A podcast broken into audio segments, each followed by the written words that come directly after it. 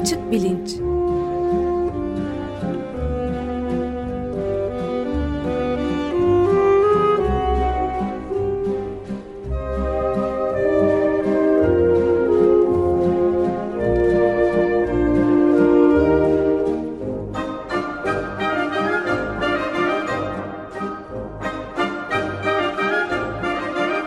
Güven Güzeldere ile bilim ve felsefe sohbetleri. Günaydın Güven Bey, merhabalar. Günaydın Ömer Bey. Günaydın Güven Bey, merhaba. Can, günaydın. Evet, bugün e, devam ediyoruz. E, geçen hafta bıraktığımız yerden Alan Turing, yani iktisat, e, şey, matematikçi, felsefeci, biyolog bile hatta yani tam anlamıyla bir dahi özellikleri gösteren ilk açık gay aynı zamanda ve ilkelerinden de pek sapmamayı tercih etmiş önemli bir insanın filmi de geliyor. Uzun yıllar sonra kendisinden özür dilendi öldükten çok sonra. Biraz daha onun üzerinde konuşmaya devam ediyoruz. Bir de konuğumuz olacak. Ben size bırakayım sözü Güven Bey. Evet. E, e, The Imitation Game isimli filmin Türkiye'de de e, gösterime girmiş olması sebebiyle Alan Turing bir mini seri e, yapmaya başladık. Geçen hafta Turing'in hayatından bahsetmiştik. Bu hafta Turing'in e, matematiğe ve bilgisayar biliminin temellerine olan katkılarından konuşacağız. Gelecek haftada Turing'in e, felsefi düşüncelerinden e, ve yapay zeka projesinden bahsedeceğiz.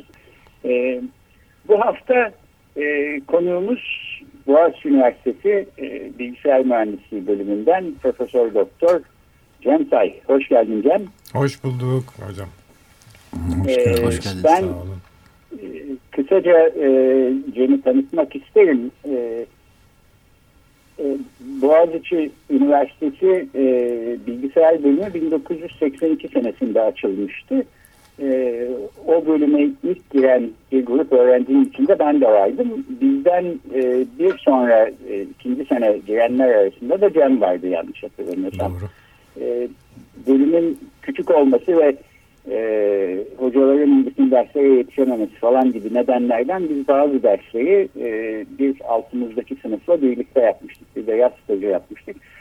O sıralarda ya bu bizden sonra gelen e, insanların içinde çok canavar e, öğrenciler var. Vay canına falan diye düşündüğümü hatırlıyorum. E, böyle düşündüğüm kişilerden birisi Cem Çay e, idi. İmiş daha doğrusu sonradan e, anladım. Bir başkası Ethem Altaydın. E, ikisi de Boğaziçi Üniversitesi'nde şu anda bilgisayar mühendisliğinde profesör olarak görev yapmaktalar. Bilgisayar e, mühendisliği de bence Türkiye'nin en önde gelen, en başarılı e, bölümlerinden biri haline geldi. E, çok kuvvetli, çok iyi eğitim alınabilen bir bölümdür.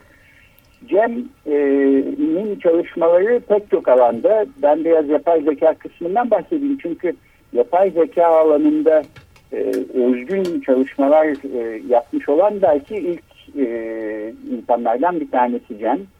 E, Türkiye'de diyelim hocam. aslında yani bunun tarihçesine bakmak lazım ama Can senden önce sen doktorunu 1992 senesinde bitiriyorsun Boğaziçi Üniversitesi'nde. Doğru. Ee, ve işte akıl yürütme e, genel ekseninde klasik e, yapay zeka paradigması içinde çalışmalar yapıyorsun. Senden önce bu konularda çalışmış, yapay zeka üstüne doktora yapmış falan birisi var mı? Ben bilmiyorum.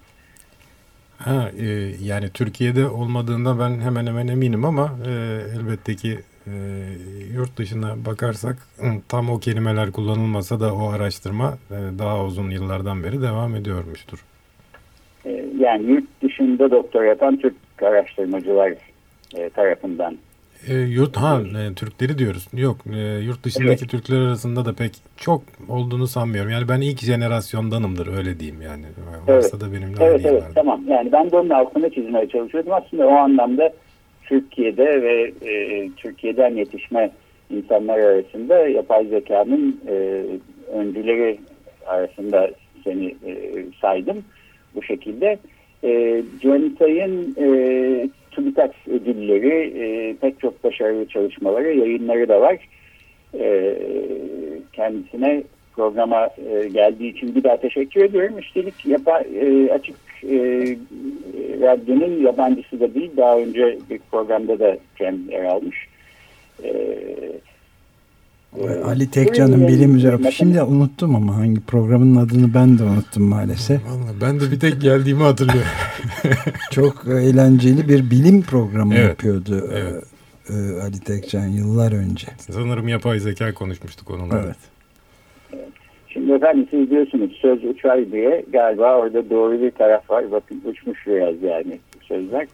Ee, bizim sözler de uçabilir ama e, neyse ki podcast yayınımız mevcut. Evet. Bir de belki e, bu vesileyle hep haftalardır e, söyleyeyim deyip unuttuğum bir şeyi bu araya sıkıştırayım.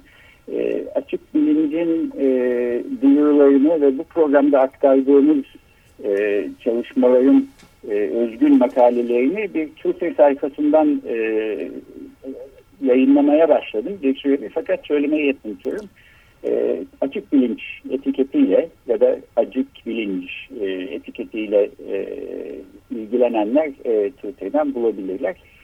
Turing'in e, matematiğe katkıları e, yapay zekaya ve bilgisayar biliminin temellerine olan katkılarını e, herhalde e, daha yetkin bir şekilde bize anlatabilecek kimse yoktur. E, bu açılışlar e, Cem ben e, topu sana bırakayım ve biraz e, Turing'in niye önemli bir e, matematikçi olduğundan, Turing öncesiyle Turing sonrası arasında bilgisayar bilimi denen e, bu yeni bilimin, 20. yüzyıl biliminin e, nasıl bir e, fark yaratmış olduğundan e, filan e, bahsetmeye başlayalım istersen. Tamam. Ee, ben de tekrar teşekkür ederim beni çağırdığın için Güven.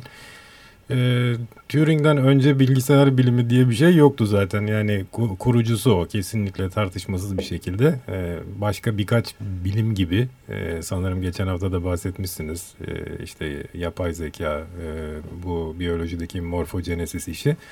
E, bilgisayar biliminin de bir tane babası varsa o Turing. E, matematiğe genel katkısını anlatabilmek için... E, David Hilbert denen ünlü Alman matematikçiden bahsetmemiz lazım. 20. yüzyılın başlarında e, matematiğin krallarından biri bu David Hilbert. E, ve de e, matematikle ilgili e, kimi düşünceleri var. Matematiğin e, tutarlı, e, eksiksiz ve kararlaştırılabilir olduğunu düşünüyor. Bu üç kavramın ne olduğunu kısaca anlatmam lazım. Tutarlı şu demek, e, matematikçiler e, doğru işlemler yaparak yani hataya düşmeden e, matematik dersinde öğrendikleri, kitapta okudukları e, teknikleri kullanarak asla birbirinin zıttı olan iki önerme kanıtlayamazlar. İddiası matematiğin tutarlı olduğu iddiası. Eğer matematikte e, hem e, A cümlesini hem de A cümlesinin tersini kanıtlayabiliyorsak bu çok fena bir şey. E, çünkü o zaman e, gerçekten 2 artı 2 eşittir 5 gibi tümüyle saçma şeyleri de kanıtlayabiliyoruz. Matematiğin herhangi bir matematiğin sahip olmasını istediğimiz en önemli özellik bu tutarlılık özelliği. İşin ilginci e, tabii herkes bunun böyle olduğuna inanıyor ama Hilbert bu konuyu apaçık söyleyene kadar hiç kimse bunun gerçekten böyle olduğunun e, kanıtlanabileceğini e, akıl etmemiş. Yani matematiğin böyle üst özelliklerinin de bir matematiksel kanıt konusu e, edilip incelenebileceği 20. yüzyılın başlarında ortaya çıkan bir şey. Hilbert haydi matematiğin tutarlı olduğunu e, kanıtlayabiliriz. Kesin tutarlıdır canım e, diyor. Tutarlılık özelliği bu. E, eksiksizlik özelliği e, doğru olan her cümlenin matematiksel cümlelerden bahsediyoruz. İşte mesela bütün e, asal sayıların sayısı sonsuzdur filan gibi. Doğru olan her cümlenin bir kanıtı olacağını iddia ediyor. Hilbert bunu düşünüyor. Ee, biz şimdi bulamamış olabiliriz ama yeterince çalışırsak, yeterince zeki bir matematikçi gelirse doğru olan her cümleyi e, bir teorem şeklinde kanıtlayabilir. E, matematik evet. her doğrunun kanıtlanmasına izin verir. Eksiksizlik özelliği. E, kararlaştırılabilirlik özelliği de e, bunların e, yavrusu olan bir özellik. O da diyor ki e, günün birinde öyle bir yöntem bulunacak ki neredeyse mekanik olarak e, siz e, diyelim bir makineye e, girdi olarak canınızın istediği bir matematiksel cümleye gireceksiniz ve o makine onun doğru mu yanlış mı olduğunu size e, biraz çalıştıktan sonra otomatik olarak söyleyecek. Yani matematikçi denen yaratıcı bir insana gerek bile kalmayacak. Bu şekilde mekanikleştirilebilir her şey. Matematik kararlaştırılabilirdir de bu demektir diye düşünüyor Hilbert. 20. Evet, yüzyılın ben başında. Burada, burada hemen araya girip bir e, eklemede bulunayım. e, Alan Turing'in e, biyografisini yazmış olan e, Andrew Hodges e, bir noktada şeyden bahsediyor. E, Turing e, dersteyken e, hocalarından üstünde etki etmiş olan e, önemli matematikçi hocalarından Max Newman öyle bir e, soru soruyor. Herhangi bir e, matematiksel önermeyi teslim ettiğiniz zaman e, onun kanıtlanabilir olup olmadığı sonucunu size verecek bir mekanik e, süreç e, böyle bir yöntem bulunabilir mi diye ve Turing'in e, doktora çalışmalarına falan da bunun ilham olduğunu e, iddia ediyor e, biyografide Hacız. Doğru. Ee, önce Hilbert'in demin bahsettiğim e, matematiğe olan güvenine, matematik kesin bu demin söz ettiğimiz üç iyi özelliğe sahiptir yolundaki inancına en büyük darbeyi e, meşhur Kurt Gödel vuruyor. E, Gödel e, yani dehadan da öte bir adam. E, ona da muhakkak bir programlar serisi yapmanız lazım. E, o ilk iki özelliğin e, matematikte e, kanıtlanamayacağını şu şekilde gösteriyor. Matematik e, eksiksiz değildir'i gösteriyor. Çok ilginç bir e, ispatla öyle bir e, cümle ortaya koyuyor ki o cümlenin e, doğru olduğunun da matematikte kanıtı yok. Yanlış olduğunun da matematikte kanıtı yok. Yani biz bulamıyoruz evet. değil. Matematikte kanıtı yok. Böylece eksiksizlik iddiasını çökertmiş oluyor. Bu bilgiden yararlanarak ispatladığı başka bir teoremle de e, matematiğin tutarlı olduğunun kanıtı olmadığını gösteriyor. Yani inşallah tutarlıdır ama biz onun tutarlı olduğunu kanıtlayamıyoruz. Bunu gösteriyor. Böylece Hilbert programının e, üç ayağından ikisini e, Gödel zaten çökertmiş oluyor. Senin bahsettiğin evet, derse... Çok, çok, e, çok çok edici bir şey değil mi? Yani e, tabii tabii yani zamanında matematiğe olan e, güven e, ve insan zihninin e, işte bu formal sistem içinde e, her zaman sonuca ulaştırabileceği mesela sorularına olan e, güven böylece e, alt üst olmuş oluyor. 20. yüzyılın belki en şoke edici matematiksel e, sonuçlarından biri. Kesinlikle. Yani e, Gödel e, dünyayı sarsan insanlardan biri. E, sonra pratik olarak sarsanlardan biri de Turing. Şimdi ona geliyoruz. E, Turing daha doktoraya da başlamamış. E, Cambridge'de, e, King's College'da öğrenciyken sözünü ettiğin Newman'ın dersini alıyor. E, Newman zaten e, anladığım kadarıyla İngiltere'de bu konulardan e, haberi olan tek insan filan. Yani Gödel'in ispatını biliyor. E, son durumu e, Newman'dan öğreniyor Turing. Yani artık her doğru e, önermeyi yani bir önermeyi girdiğimizde onun doğru olup olmadığını e, bize otomatik olarak söyleyecek bir mekanizmanın olmadığı Gödel'in dediklerinden çıkıyor ama belki ispatlanabilir önermeler için onun e, ispatlanabilir olup olmadığını yani e, ispatı var ve şudur e, ya da e, yoktur diyen bir e, yöntemin olabileceği e, olup olmadığı sorusu hala açık kalıyor. Newman bu soruyu Turing'e aktarıyor. Turing de bunu düşünmeye başlıyor. Zaten geçen hafta da konuşmuşsunuz. Adam yani dahinin önde gideni. E, ve e, bir süre düşündükten sonra onun e, matematiksel e, tarzına da uyan bir şekilde e, yani olaylara dışarıdan yaklaşan birisi olarak e, literatürün tümünü her zaman çok iyi bilmeyen, kendisi kavramları baştan düşünüp icat etmeyi seven birisi olarak bir ispat buluyor. E, karar probleminin demin anlattığım şekilde Hilbert'in ortaya koyduğu problemin e, de e, bir çözümünün olmadığının ispatını kuruyor. Bunu e, bir cümleyle tekrar ortaya koyayım çünkü e, çok ilginç. Şunun var olmadığını e, gösteriyor. Biz e, bir e, önermeyi bir makineye vereceğiz. O makine çalışıp çalışıp o önermenin e, bir ispatının olduğunu ya da onun tersinin bir ispatı olduğunu bize söyleyecek ve canımızın istediği her önerme için bu makine hani ispat bulma makinesi diyelim e, bu işi yapabilecek. Hilbert böyle bir şeyin olduğunu iddia ediyor ve hadi bunu bulun diye matematikçilere meydan okuyor. Turing ise böyle bir makinenin yapılamayacağını çünkü böyle genel bir yöntemin evrendeki bütün yöntemler arasında bulunmadığını ispatlıyor. Ee, bu işi yaparken kullandığı bir yöntemle de yani bu makalede bu ispatı e, yazarken e, kafasında canlandırıp e, kağıda döktüğü bir yöntemle de Turing makinası diyoruz işte o, o yöntemin adına. Çok enteresan e, yan uygulamaları olan mesela çağımızda bilgisayar denilen şeyi e, ortaya koyan e, yepyeni bir kapı açmış oluyor. E, Turing'in büyük buluşu bu.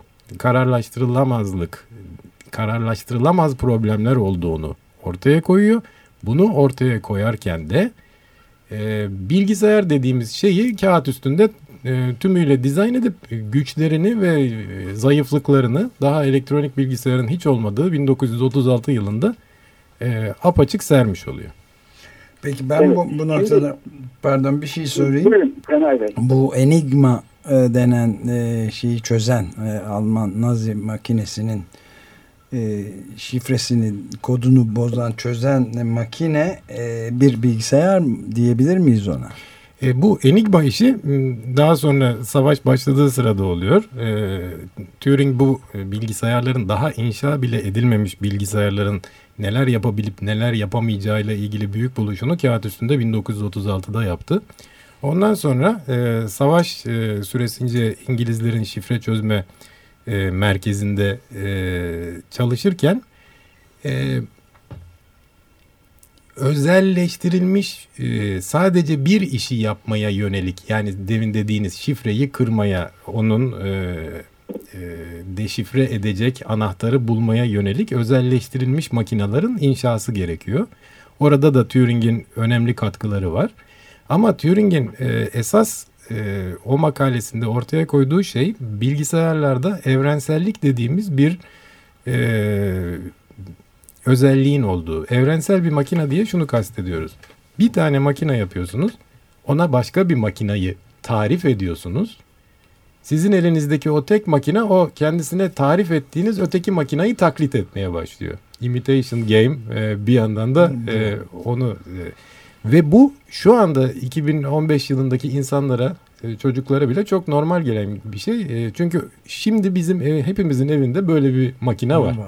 Bir tane donanım alıyoruz ve o binlerce değişik işi yapabiliyor. Yani ayrı bir daktilo almamız gerekmiyor. Ayrı bir hava durumu tahmin makinesi almamız gerekiyor. A, gerekmiyor. Ayrı bir televizyon almamız gerekmiyor. Açık radyo epi var değil mi? Ayrı bir radyo almamız gerekmiyor. Hepsini tek makine bu yazılım dediğimiz değişik girdileri çalıştırarak başka makinaları taklit ederek yapabiliyor. Evrensellik bu. Bir makinenin evrensel olması bütün öteki makinaları taklit edebilir olması demek. İspatında bundan yararlanmak için Turing makalesinde bu fikri ortaya atıyor. Çok ilginç bir şey. Bu gerçekten olabiliyor. Böyle makineler yapabiliyoruz. Ee, savaştaki e, şifre kıran makineler sadece o şifreyi kırmak için dizayn edilmiş. Ama savaş bittikten kısa süre sonra evrensel makinayı da İngiltere'deki üniversitelerde yapmak için e, Turing e, çalışıyor ve o ekiplerin de içinde oluyor. Evet. evet. Ben de burada hemen iki şey ekleyeyim. Bir tanesi Turing'in e, belki e, gösterdiği en önemli şeylerden birisi bu kararlaştırılamazlık e, problemiyle alakalı ama e, aslında e, yani buradan Turing'in katkısı böyle negatif bir e, katkıdan ibaret ya da hani bir şeyin yapılamayacağını göstermekten ibaret e, gibi tabii ki anlaşılmamalı. E, Turing'in e, göstermeye çalıştığı şey daha genel olarak bence e, yapay zekayı olan ilgisi ne de aslında buradan atlıyor diye düşünüyorum. E, akıl yürüterek yani belli kurallar çerçevesinde belli adımları e, peş peşe atarak e, mekanik bir e, süreç sonunda e, bizim e, akıl dediğimiz, yaratıcılık dediğimiz, zihin dediğimiz listelerle çözebileceğimiz e, ya da belki ancak öyle çözebileceğimizi düşüneceğimiz e, düşündüğümüz problemlerin bir makine tarafından da ya da bir e, genel olarak tarif edilebilen bir süreç tarafından da e, çözülebileceği meselesi ve bunun limitleri e, konusu. Aslında e, Turing makinesi diye Turing'in adıyla anılan makine ve Turing testi diye yine Turing'in adıyla anılan e, yapay zeka konusundaki test de birbirine oradan e, o şekilde bağlı diye düşünüyorum. Çünkü Turing e, yapay zeka konusunda tartışırken yani şimdi uzun uzadıya akıl nedir, e, makine ne demektir bunları tartışmaya başlamak yerine e, bir e, süreçten e, bahsedelim e, diye bir test öneriyor ve bu da bir anlamda sonuçta bizi bir makinenin akıllı olup olmadığı kararına götürecek bir süreç gibi gözüküyor. Sen ne dersin Cem?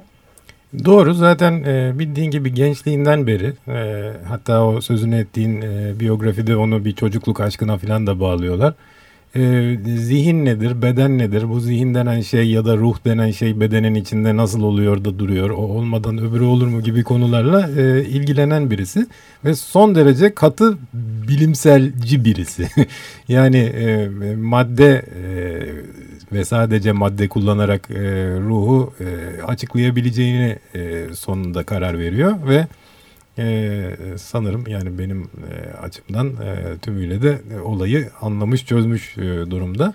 E, bir kez bilgisayarın e, artık bilgisayar dediğimiz ve bize doğal gelen ama o zamanlar düşünmesi bile ilk düşünen kişi olduğundan feci büyük bir başarı olan o, o aletin o sistemin e, yapabildikleri gözünün önünde serilince onun e, işte başka sistemleri taklit edebilme özelliğinden e, çıkarak insanları, insancıl süreçleri de e, zihin süreçlerini de taklit edebileceği herhalde ona e, açık gelmiş olmalı.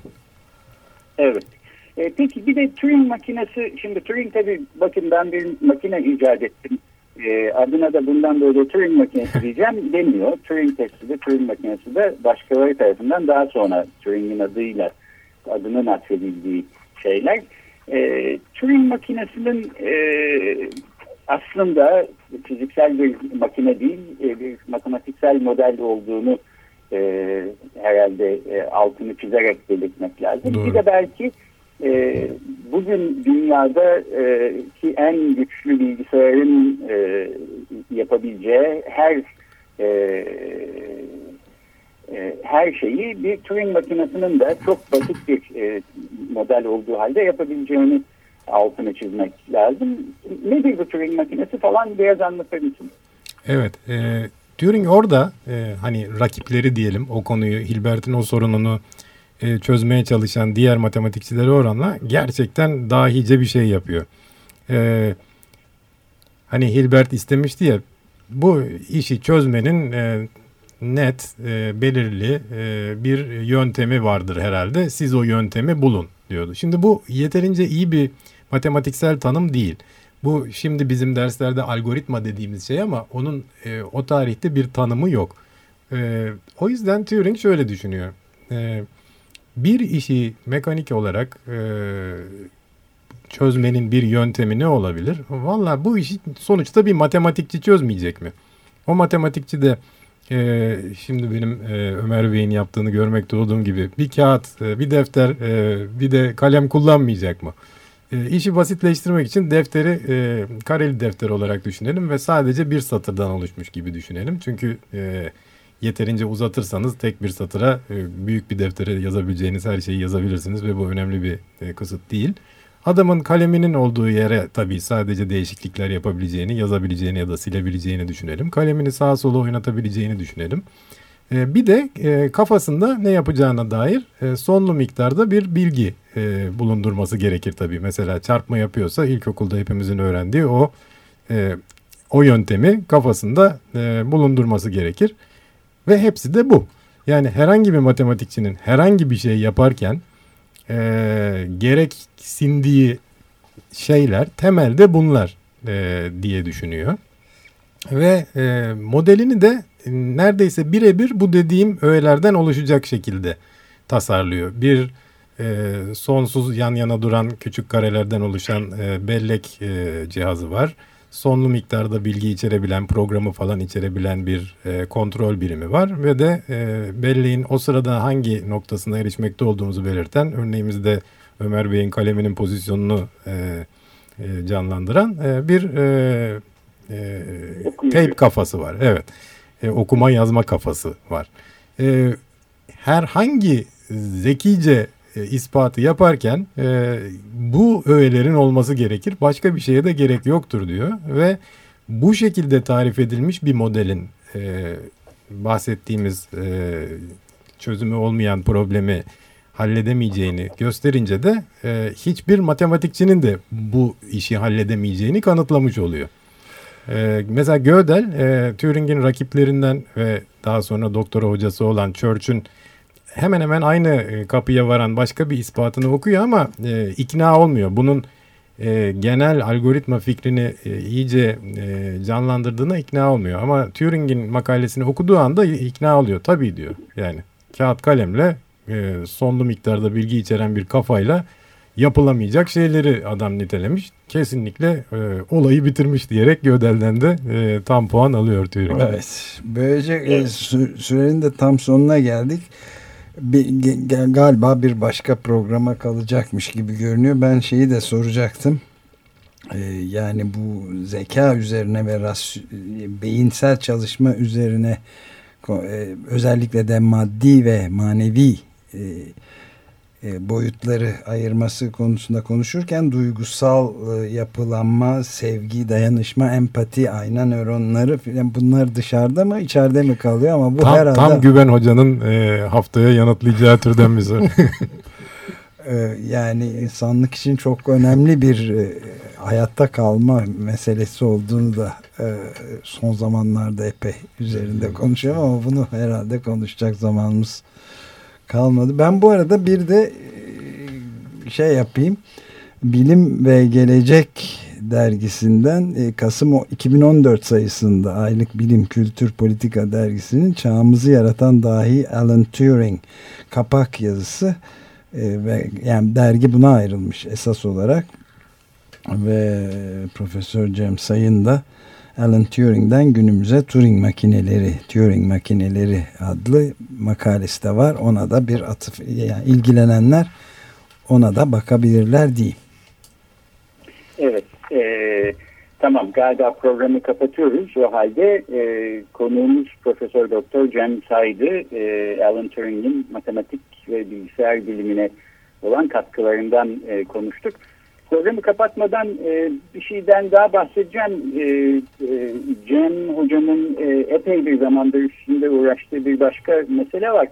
E, hatırlarsınız 2010 senesinde galiba 5 sene önce e, Mehmet Baransu isimli bir kişi e, bir e, bavul dolusu e, belgeyi e, mahkemeye e, sunmuş. Daha sonra işte balyoz davası filan diye bildiğimiz e, bir sürü ciddi cezalar içeren e, davalar buradan e, kaynaklanmıştı. E, dijital belgelerin ne kadar e, hukuki e, anlamda belge olarak kullanılıp kullanılamayacağı, üstlerine nasıl manipülasyon yapılıp yapılamayacağı meselesi tabii ki aslında bilgisayar bilimcilerinin uzmanlığını gerektiren bir konu.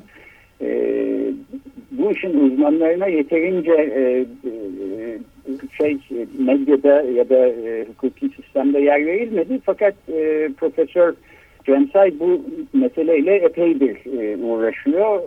Kamuoyuna iki e, duyuru e, yayınladı. E, ikincisi geçen sene 2014'te yayınlanmıştı ve orada e, dijital e, dosyaların içerikleri ve iş verileri kolayca ve iz bırakmadan istediği gibi kurgulanabilir. Dolayısıyla manipülasyona açıktır e, cümlesi de var. E, e, Türkiye'nin dört bir yanından bilgisayar mühendisliği bölümlerinden e, öğretim üyelerinin de altında imzası olan bir duyuru.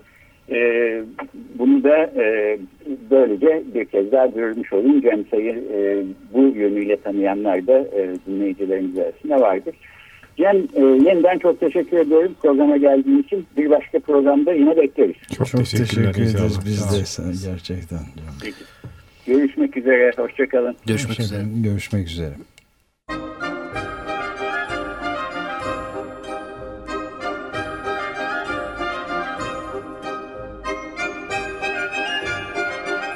Açık Bilinç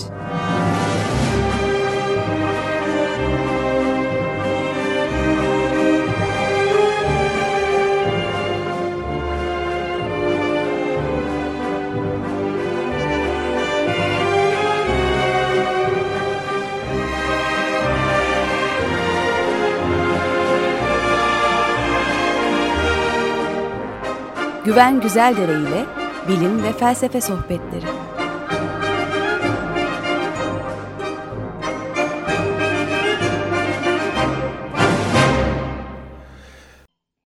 Açık Radyo program destekçisi olun. Bir veya daha fazla programa destek olmak için 212 alan koduyla 343 41 41